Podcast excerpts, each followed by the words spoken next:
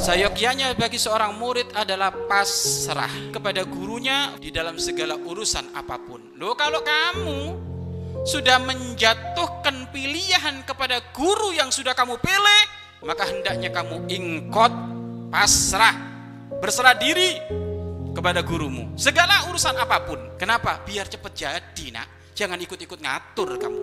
Makanya siapa pun yang sudah datang ke sini, kebiasaanmu di luar jangan dipakai.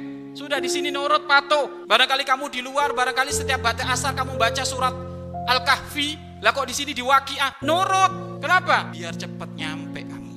Memang nak, guru manusia mungkin sekali salah, tetapi hal pasrah ini ini syarat untuk kamu segera jadi orang bes besar. Kalau nggak nurut ya susah.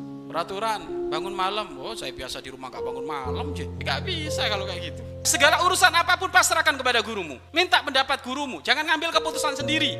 Kalau kamu sudah mengambil satu gu, guru, jangan sekali-kali kamu keluar dari pendapat gurumu. Jangan sekali-kali kamu nggak nurut dari pendapat gurumu.